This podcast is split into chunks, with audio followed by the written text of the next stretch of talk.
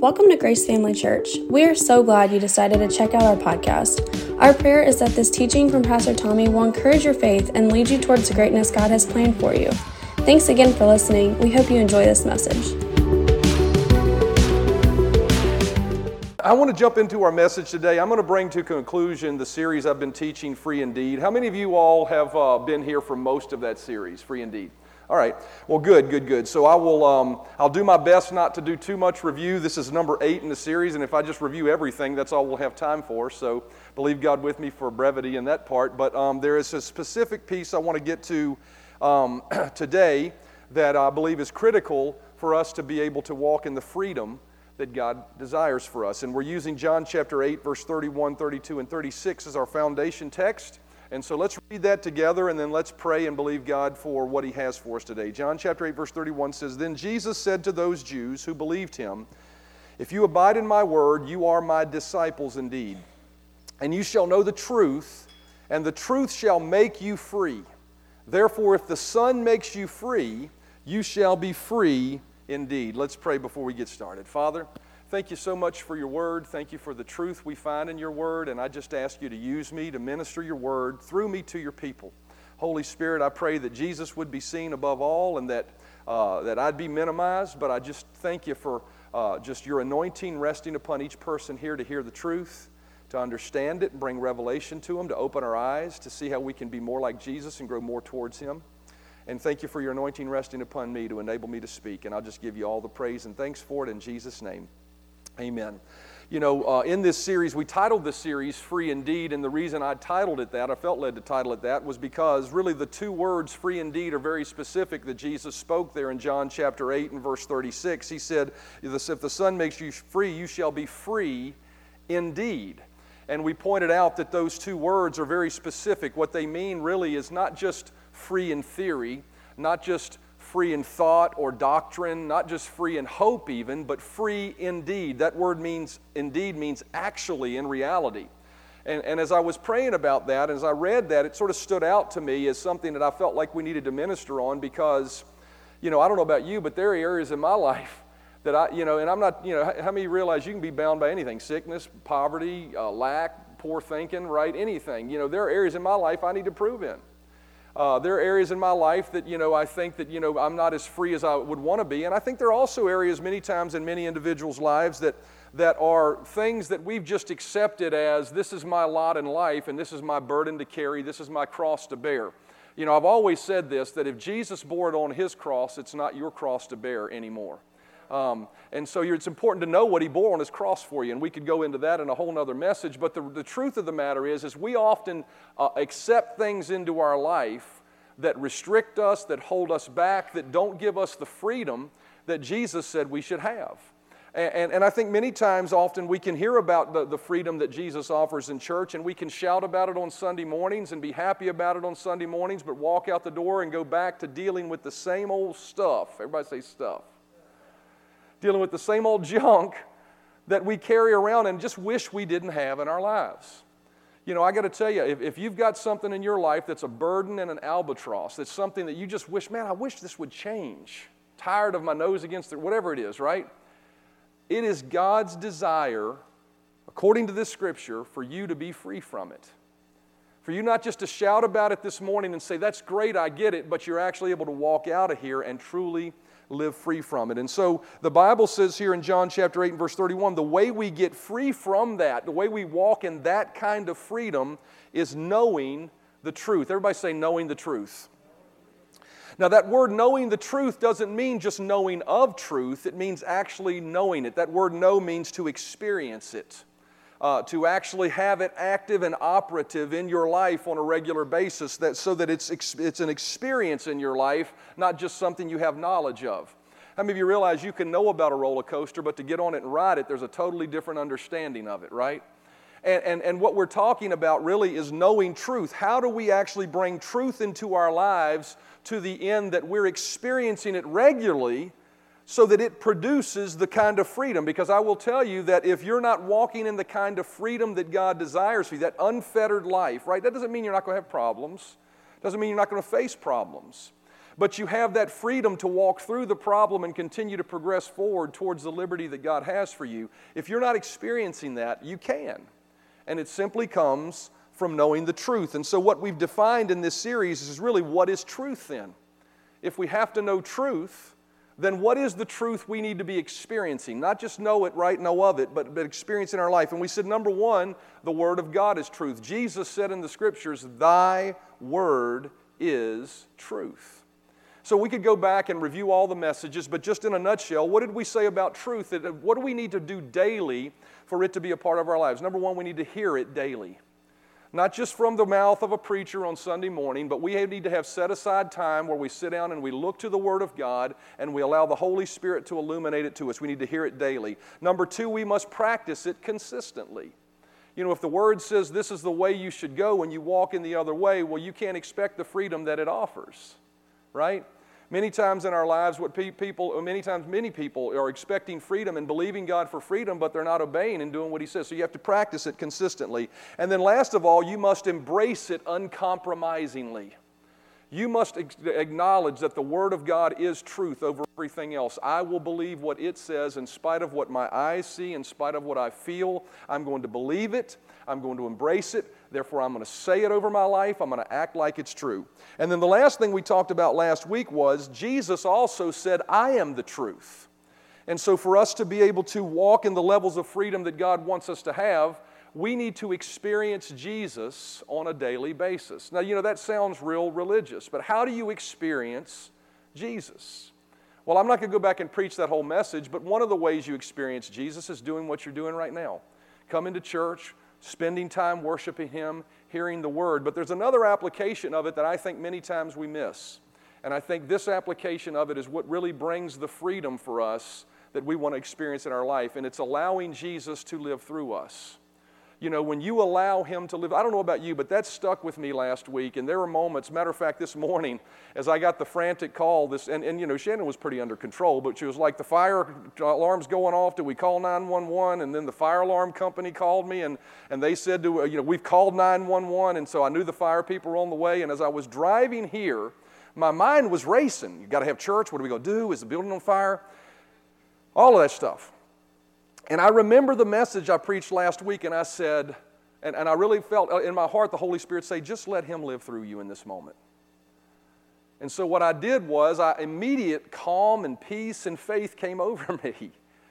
Well, that's how you walk in the freedom God wants you to have by allowing Him. Paul said, I am crucified with Christ, nevertheless I live, yet not I, but Christ lives through me. He said, The way I live, the way I live in freedom, is by allowing Christ to live through me. So, what that means is in the moments where I'm, I'm facing frantic moments, I make a choice to say, I'm not going to let frantic me take over. I'm going to allow Jesus, I'm just going to allow, I'm going to allow Him to live through me. I'm going to act and live like He would. And that's how we begin to walk in freedom. So I would encourage you to experience Jesus in your everyday life by allowing Him to live through you. And when we do this, what the verse of Scripture says, if you know the truth, if you're experiencing it regularly, the truth will make you free. Everybody say, Make me free. Now, what that says is it's really interesting the way it says that. It doesn't say by you doing that you'll make yourself free. What it says is the truth will make you free. So, what that tells me is there will be a divine intervention from heaven where supernatural things happen and even miraculous things happen to bring about your deliverance and freedom. See, some of the things we carry around in our life that are too heavy for us to carry that we just consider as, uh, well, this is just my lot. Doctor said I got this the rest of my life, so I guess I'll have to deal with it.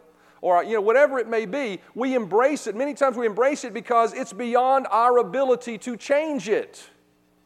But if Jesus said you'll know the truth and you'll be free indeed, you'll be unfettered, you'll be unshackled, you won't have bondage in your life, then that means there's going to have to be times where His power, His miraculous, supernatural, incredible, awe inspiring power shows up and changes things for us. I don't know about you, but I refuse to serve a dead God. We serve a living Jesus. And the Bible tells us that Jesus went about doing good and healing all. The Bible tells us that when the disciples lived their lives, He went about confirming the word that they believed with signs following, signs following them, signs following them, miracles. I believe that it's God's desire for us to not have miracles on a limited basis in our life, but for us to have miracles operating and flowing on a regular basis in our life. Daniel chapter 6 and verse 27 says, I'm going to take a little side journey for a moment before I get to where I'm going, but Daniel chapter 6 and verse 27 says, For, the live, for God is the living God and he endures forever. He rescues and saves. Notice this. He performs signs, wonders, and astonishing miracles in the heavens and on the earth. The Bible says that God is a God that performs signs, wonders, and astonishing miracles. What's an astonishing miracle? There was a song in the 80s when I was growing up. It was a song titled Things That Make You Go, Hmm. You know that song? Things that make you go, ah. You know, I, I think that's how it went. Anyway, definitely not like that. But what this verse of Scripture says is that God does things that should cause you in your life to step back and go, wow, how did that happen? Should cause others to stand back. It says God does that. Miracles are signs, wonders, and astonishing things. For us to be free in our lives, there is at times the requirement for intervention beyond our ability, beyond our strength, beyond our resources. There are situations that, that, that, you know, we could change them over 50 years of hard work, maybe, but there are some things that God wants to change immediately for you. And God is willing to do that today. Job chapter 5 and verse 9, Job made the, one of Job's comforters made this truthful statement. It says, After all, God is famous for great and unexpected acts. Unexpected acts. I preached a series once called uh, uh, Unexpected, uh, Expect the Unexpected. Unexpected acts. You know, what's an unexpected act? It's an expectation of God's doing something that I really didn't think He could do, but I believe He can. It says he's great and unexpected acts. He does great and unsearchable, marvelous things without number. There's no end to his surprises. In our lives to live free, what this verse says, if God's operative in our life, there will be consistent moments of God surprising us. Everybody say surprises. How many of you like surprises? Good surprises. Not like alarms being set off that you didn't expect, but good ones. God is a God that wants to do surprises for you this morning. Things that you believe He can do and you're standing for Him to do, but when it happens, your, your mouth drops and says, I almost can't believe it happened, but it happened because I was believing for it. God wants to do that in our lives. Miracles are not reserved for one time in your past where God did it and you're constantly looking back, wishing He would do it again. God wants to set us free through the power of the miraculous working in our lives. Some of its practical application, we've talked about a lot of that, letting Jesus live through you, doing the truth, and all those things. But there is something beyond ourselves that we need in our lives to live at the levels of freedom that God desires to take us to. And that's what I want to talk to you about this morning. It really leads me to the, the final aspect of truth that we must experience if we want to walk at the levels of freedom God has for us. Isaiah chapter 10 and verse 27 says, And it shall come to pass in that day that his burden shall be taken away from off thy shoulder, and his yoke from off thy neck, and the yoke shall be destroyed because of the anointing. Everybody say the anointing. Notice there is an anointing that can destroy the yoke of bondage. So, whatever it is in your life that you can't seem to shake, whatever it is you can't seem to get free from, whatever it is you carry around like a ball and chain and a bag of rocks that you wish you could just get rid of, there is an anointing available to release you from that thing. An anointing. Everybody say an anointing. There's an anointing that can set us free from the things that hold us back. So, what is the anointing? Acts chapter 10 and verse 38 says this. It says, How God anointed Jesus of Nazareth with the Holy Ghost and with power, who went about doing good and healing all that were oppressed of the devil, for God was with him. Jesus was anointed with something. Or better yet, we could say Jesus was anointed with someone. It says how God anointed Jesus with the Holy Ghost. Everybody say the Holy Ghost? Often referred to as the Holy Spirit or the Spirit. The Holy Ghost, the Holy Spirit, the Spirit of God is the anointing. It is, the, it is the power of God that uh, uh, it is the power and presence of God that can come upon a person and bring about deliverance when they can't seem to shake free from something in their own natural strength. And what this verse says, and, and, and, and uh, back in Isaiah, if we look at it again, is it says that when that anointing comes upon you, it will destroy. It won't just remove it, it'll destroy it. That, if you look up that word destroyed, it means it will render it powerless and obliterate.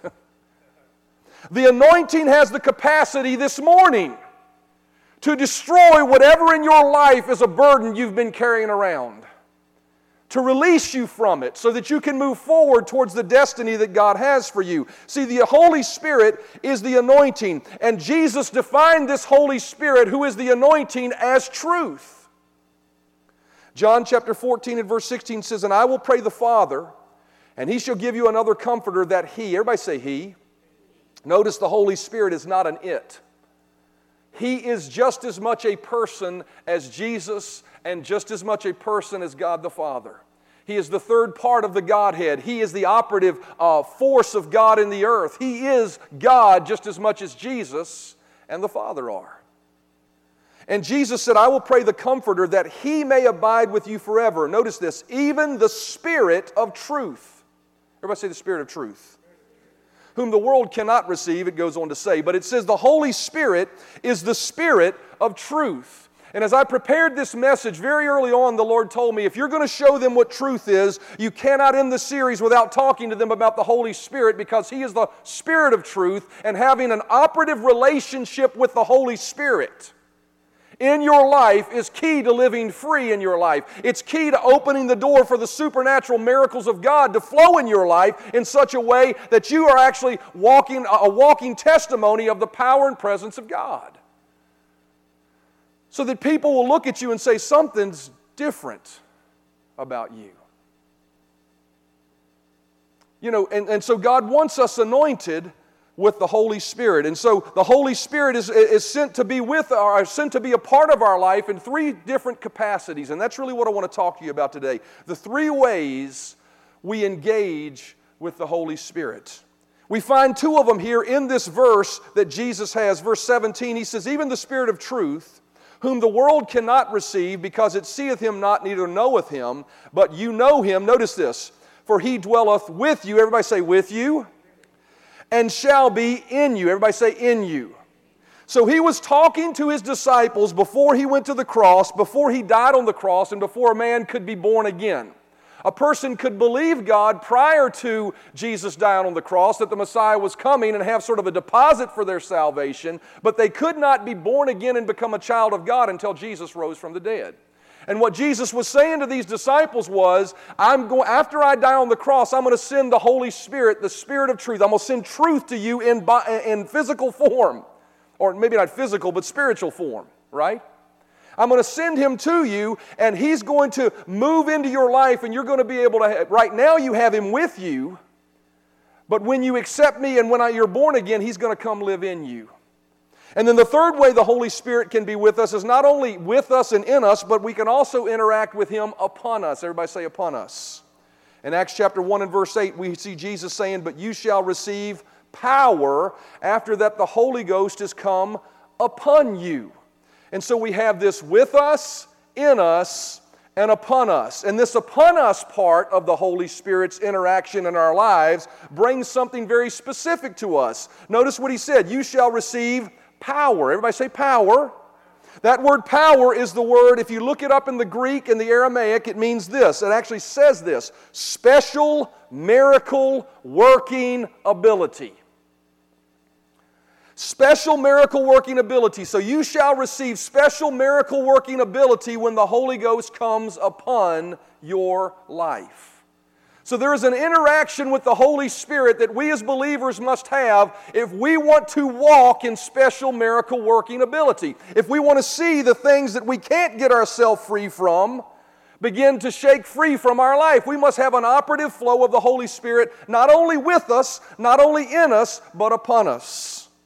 So I want to explore these three aspects of the experience we can have with the Holy Spirit this morning to remind us of what they are, to, for us to extend our faith for those and expect those, and for us to begin to experience those maybe more uh, uh, uh, uh more awareness of it in our lives. So, first of all, the experiencing Him with us. Psalm 139, verse 7 through 10 says this It says, Where can I go from your spirit? Or where can I flee from your presence? If I ascend into heaven, you are there. If I make my bed in hell, behold, you are there. If you take the wings of the morning and dwell in the if I take the wings of the morning and dwell in the uttermost parts of the sea, even your hand shall lead me, your right hand shall hold me. David acknowledged that no matter where I went in God's creation, the Holy Spirit was there. Here's something amazing about the Holy Spirit is he is a very real person, but he is everywhere. He is everywhere. He is here this morning. Whether you sense him or not, the Holy Spirit is in this room. He is with us. David said, I can, no matter where I go, whether I go to heaven or whether I'm in hell, He's with me. He didn't say He was in me. He didn't say He was upon me, but He said He was with me. Whether you're running from or running to God, He's always near you. I remember as a, as a young man when I was sort of not where I needed to be in my relationship with the Lord, but I was actually born again at a very early age, but I wasn't where I needed to be. And I remember in the night seasons of my life laying my head on the pillow, sensing His presence drawing me. You can't run away from Him. You can deny Him, you can try to ignore His existence, but the Holy Spirit is very real. He is the presence of God in the earth. He is the drawing factor for every lost person. He is the wooing of every Christian heart. The Holy Spirit is with us and the way we and the way we actually experience in him experience him in that with us moment is by if we haven't accepted Christ initially opening our heart to him saying holy spirit I believe the testimony of Jesus. I accept Jesus. And when we do that the bible says he comes to live in us.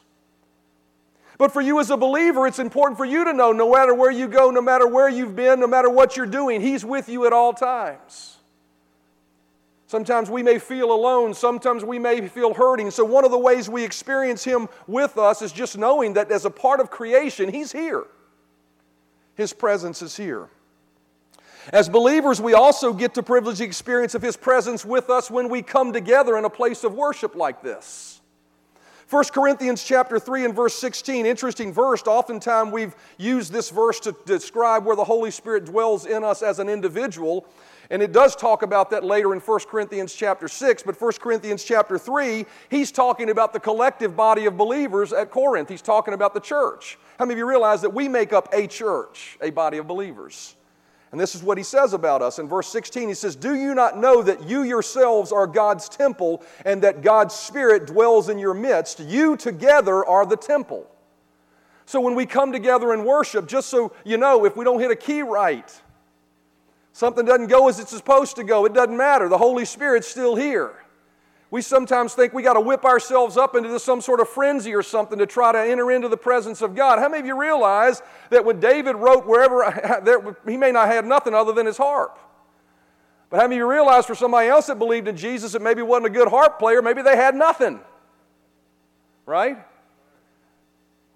But when we come together as a group of believers, we get the privilege of experiencing Him with us. And when we do that with a full heart and an open heart, there is a corporate anointing with us that can destroy the yoke of bondage, that can bring freedom. Second Corinthians chapter 20 and verse 20, Second Chronicles chapter 20 and verse 22 tells of the story of how the children of Israel were facing three armies that were fighting against them. And the Lord said, What I want you to do is instead of fighting the armies, because they're too great for your natural ability to defeat them anyway, I want you just to go out and lift your voice and begin to worship me corporately. There's a such thing as a corporate presence of the Holy Spirit that manifests when we worship God. Second Chronicles says, And when they began to sing, the Lord threw the invading armies into a panic and they were defeated. See, you may walk into this place with shackles upon your body, but I believe, or shackles upon your mind, or upon your heart, or upon your spirit, but I'm believing that when we lift our hands and worship God, there is an anointing that shows up that destroys the yoke of bondage upon your life if you're aware of it and you'll believe it and receive it. That's why it's so critical for us during worship to not be a bystander, but to enter in. Right? To worship from our hearts fully the King of Kings and the Lord of Lords by the power of the Holy Spirit, to not, uh, not do it reservedly, but as the Lord leads us to worship. To pour our hearts out to Him because when we do that, the Bible says when they began to do that, He showed up and destroyed the yoke of bondage. So, one of the ways we can experience freedom in our life, free indeed, is just by simply coming in here when we have services or on a Thursday night when we have a worship night and lifting our hands and saying, as, as the current song says, This is how I fight my battles. This is how I win. I win by worshiping God in the midst of my troubles, knowing that I'm not just worshiping a God and begging for help. When I worship Him, His power is going to show up. His miracle, awe inspiring, supernatural ability is going to show up and change the course of events in my life. It's my expectation. Secondly, we experience the Holy Spirit. We experience Him not only with us, but we can experience Him in us. Everybody say, in us. Now, as I said, 1 Corinthians chapter 6 and verse 19 is a specific verse that Paul wrote to the individual believer. It's a, statement about our individual experience with the Holy Spirit. It says, Do you not know that your body is the temple of the Holy Spirit who lives in you and who, who was given to you by God? When you accept Jesus into your life, you're not actually having Jesus come to live in your heart. He's, the Bible says he's seated at the right hand of, father, of the Father, and he's seated there until G, the Father says it's time to go home and get, get my kids. Right? But who comes to live on the inside of you? It's very important you understand this if you want to experience Him in His fullness. The Holy Spirit comes to live in you. Now, the Bible says the Holy Spirit, He'll glorify Jesus, right? He's not going to spend a lot of time talking about, you know, over and over about who He is and, and focus inappropriate attention on the things of the Spirit because then you get weird. He's going to point you to Jesus and He's going to direct you to Jesus, but He lives on the inside of you and He's there to help you. Uh, there isn't, there, if you're a believer, you have the very God of the universe living in your heart. And he, and he enables you to do miraculous things beyond your own ability. He can give you the ability to walk through places towards freedom that you couldn't get through yourself. Philippians chapter 4 and verse 13 says, I can do all things through Christ. Everybody say Christ. Can I give you a little bit of Bible uh, information here when you're studying the Bible that'll help you and just explode your mind when you're reading the Bible? It says, I can do all things through Christ who strengthens me. Ever say Christ? That word Christ is the word Christos, it's actually the word anointing. How many realize Jesus Christ, Christ was not his last name? It was Jesus, the anointed one. Christ stands for the anointing. If you read it in the original under, Greek, it, it was actually Yeshua, the anointed one. Right? So anytime you see Christ in Scripture, when you talk about it talks about Christ in you, the hope of glory, certainly it's Christ in you, right? But it's actually not Christ in you, it's the Holy Spirit in you, it's the anointing in you. It's God's Spirit in you. And so when this verse says, I can do all things through Christ who strengthens me, what it's really saying is, is I can do all things through the very anointing that was on Jesus that dwells in me. I can do all things through the anointing. Anytime you see Christ, just replace the word with anointing and you'll have a better understanding of what he's saying. I can do all things through the anointing. So we have the ability to do all things, no matter what the problem and what the, what the challenge, to outlast it, to endure it, to, an overco- to overcome it, and win in life and walk into freedom. Not only that, but we also given the Holy Spirit to help us make decisions in life. The, the, this is the Holy Spirit's presence living in us. John chapter 16 and verse 13 says, But when He, the Spirit of truth, is come, he will guide you into all truth. Everybody say truth. He will not speak of his own, he will speak only of what he hears, and he will tell you what is yet to come. Everybody say, yet to come. The Holy Spirit is given to us as a believer. The Bible says those that are led by the Spirit of God, those are the sons of God in Romans. See, the Holy Spirit is given to guide us, to lead us, to help us in our decisions in life. And it says He will tell you things to come. See, a man without the Holy Spirit is relegated to making decisions only based upon the facts he has and the knowledge he has. That's it. And he can make the best qualified decision he can make. And sometimes that information is enough to make a good decision. But how many of you realize the knowledge you have right now is not the knowledge God has? He knows what's going to happen tomorrow. He knows what's going to change tomorrow. He knows what's going to be different tomorrow or what's going to stay the same. And what Jesus said was, He wasn't just saying the Holy Spirit was there to lead us to understand the Word. That is absolutely critical. He'll illuminate the Word to you and bring it to life for you.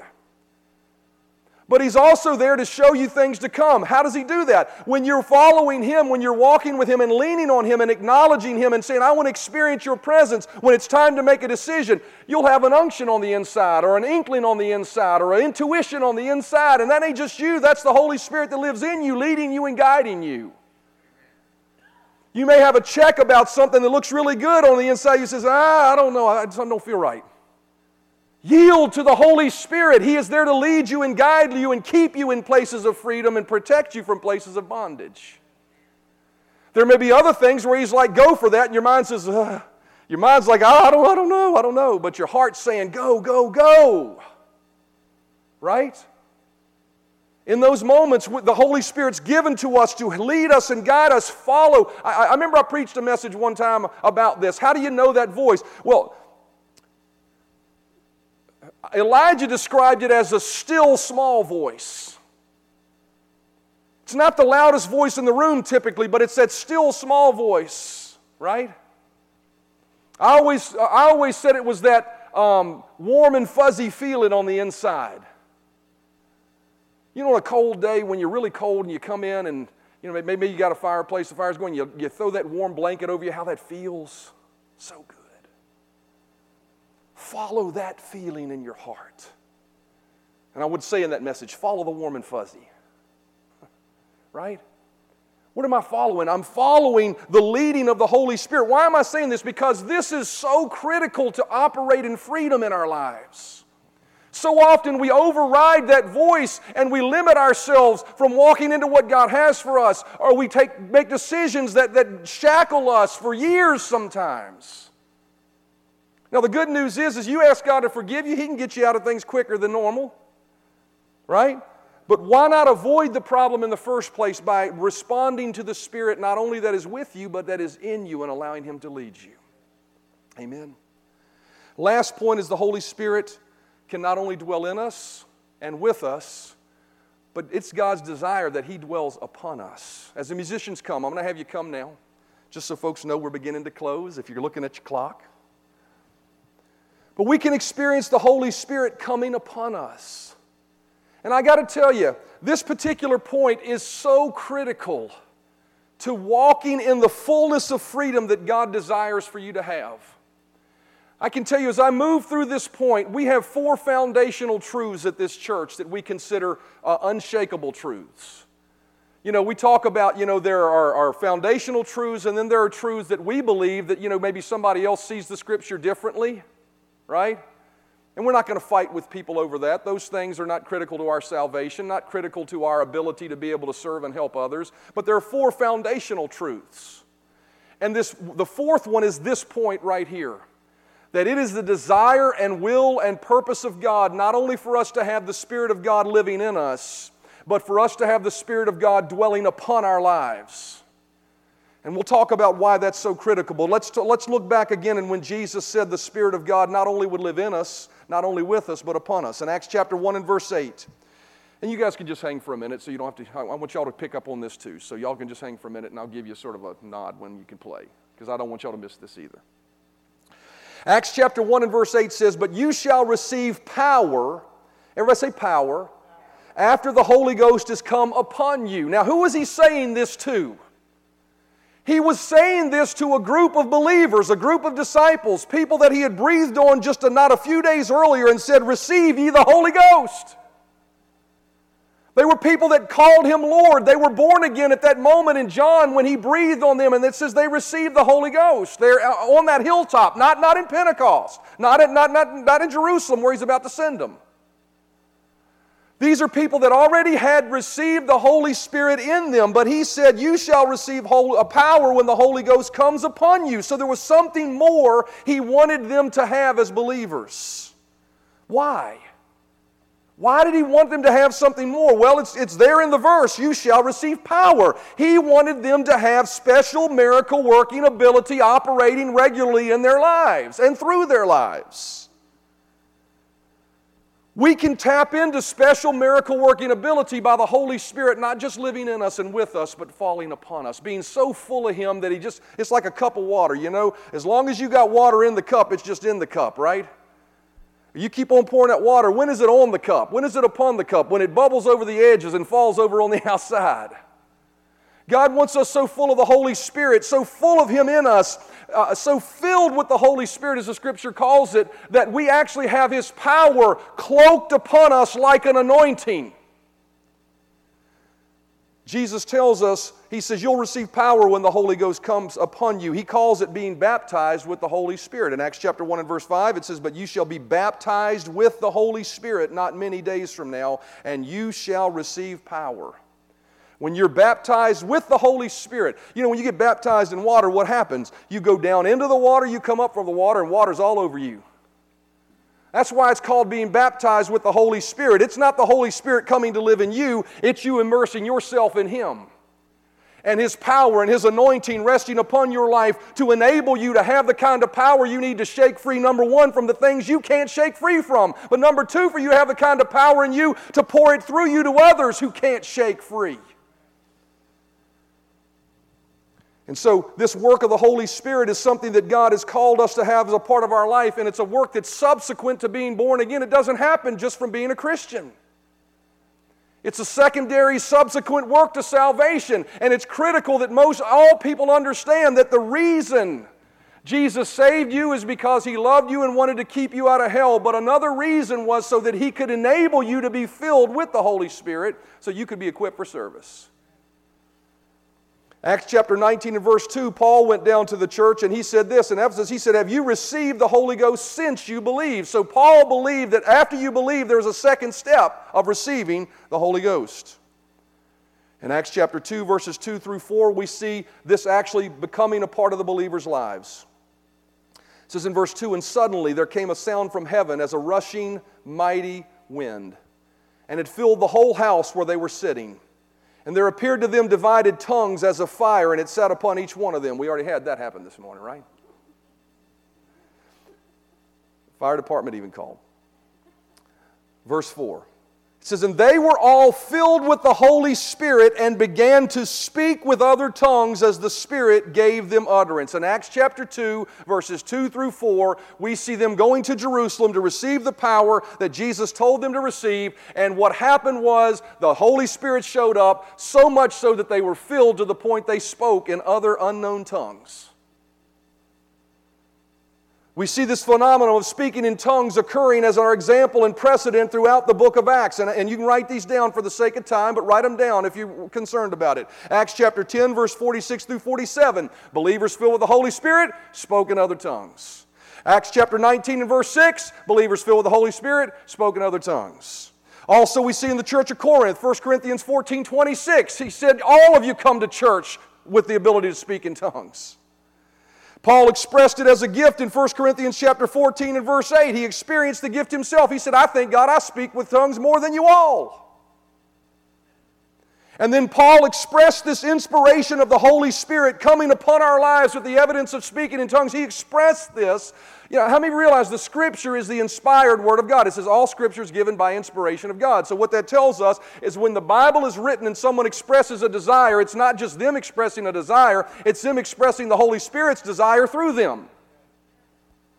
So in 1 Corinthians chapter 14 and verse 5, we see Paul expressing the Holy Spirit's desire through him to this church. He said, Now I wish I would like, and it, now this is a compilation of all the, you can look at any of them, it's not, a, it's not a, an embellishment, but it just helps you understand how adamant God is about this.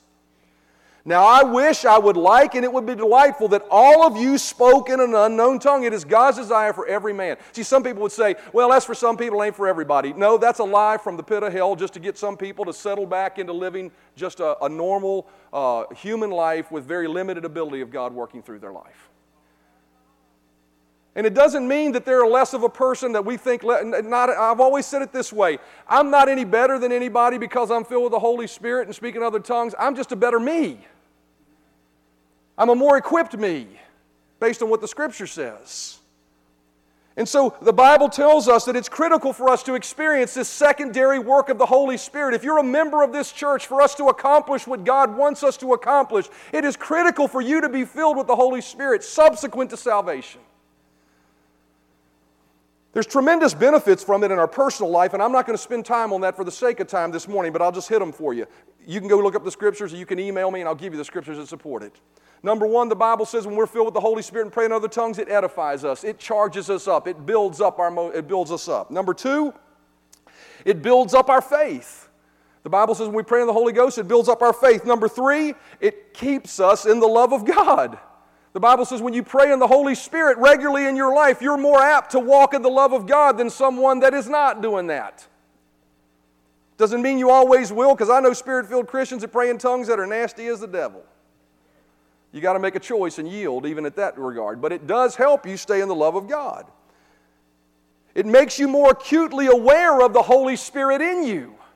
I mean, when you're cooperating with Him and praying in tongues on a regular basis, it makes you more aware that I'm doing something beyond myself. It makes you more sensitive to His leading and it enables you to pray for things that you don't know how to pray for. You ever had a situation where you just don't know how to pray for things like you should? Romans says that, that the Holy Spirit helps us with groans that cannot be uttered in articulate speech. He helps us pray out the mystery in our lives. I can tell you there are times in my life where worry will try to get on me even about my kids, and I get worried and fretful about it and wonder what's going on, and my mind's racing because I don't know. What do I do at that point? I just yield to the Holy Ghost and pray in tongues because He knows the perfect prayer to pray for them if they're in trouble or even if they're not. Right? And I pray it out till I get peace. But there's a more grand and selfless reason God desires the Holy Spirit to come upon us. And I would appeal to the compassion of Christ in you, the passion of Jesus in you, to understand that this is why we should be filled with the Holy Spirit, probably the most important reason. You know, God cares about us individually and He wants us to be blessed individually. He wants us to live in freedom. But I got to tell you, there is a world that needs to be free. And the end of this message is going to lead us into another series that I'm going to teach starting next week that will stress for us the critical nature of us recognizing our need to not be just us four and no more but the need for our lives to be expression of the power and, and, and majesty of God so that we're touching people and changing lives. See, God doesn't want our freedom to end with us. He wants us to per- perpetuate the miraculous freedom that He offers through us to others. It says in Acts chapter 1, it says, But you shall receive power when the Holy Ghost comes upon you, and you will be my witnesses in Jerusalem and all Judea and in Samaria and in the uttermost parts of the earth. We must desire to be filled with the Holy Spirit and practice that gift of praying in that heavenly language on a regular basis so we're charged up and have the ability to be a, an effective witness for others. So we can be dispensers through which God can pour His power to bring freedom to others. The early church understood this as a purpose and a need in their life in Acts chapter 4.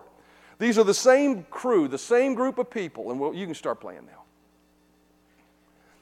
These are the same group of people that met in Acts chapter 2 and were filled with the Holy Spirit. Most of the group was the same, except that the group was multiplied by thousands because they were effectively reaching people.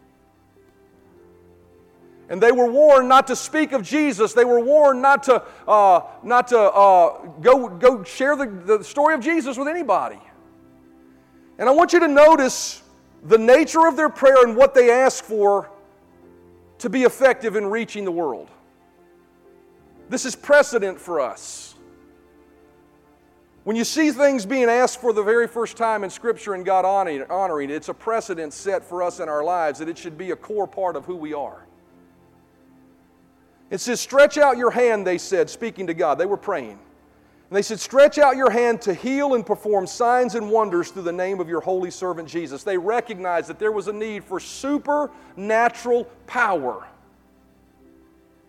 Supernatural power to bring about change in people's lives.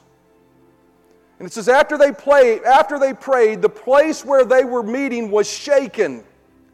And they were all filled with the Holy Spirit and spoke the Word of God boldly. They were filled with the Holy Spirit. They were filled with the Holy Spirit. What was God's response to their cry for miracles? What was God's response for their cry for an outpouring of His Spirit to touch people and heal people and change people? It was to fill them with the Holy Spirit. It was the requirement. It was the necessary equipment that they needed to be able to reach others. And so God desires for us to be filled with the Holy Spirit and experience Him in us, with us, but also upon us. Which brings me to the conclusion of the entire series. It says, And you shall know through personal experience the truth, and the truth shall make you free. Therefore, if the Son makes you free, you shall be free indeed. How do you get free? Freedom comes partially by acknowledging and accepting the Spirit of truth, experiencing Him. Why? So I can help others, so I can help people. So when my friend is sick, I can pray and they get healed. You see, I prayed and some didn't get healed. I don't know why that doesn't happen sometimes, but the Bible says we can pray and people will be healed. So I'm going to keep praying, believing for people to be healed. Jesus told us why people don't uh, get healed sometimes. They didn't connect in faith, they didn't believe. He said, Oh, ye of little faith, oh, ye of no faith, oh, why, wherefore. There are lots of reasons why. But I can tell you one thing. I know what he says here in his word. He says, if you know the truth, if you experience the truth, and part of truth is not only the word and not only Jesus, but it's the power of the Holy Spirit flowing through you, you will have freedom in your lives. Not only for yourself, but to give to others. His response to that cry to bring us truth is, is, are these three things, and I'm going to close with this. To give us His word, to build faith in us so that we can overcome the world.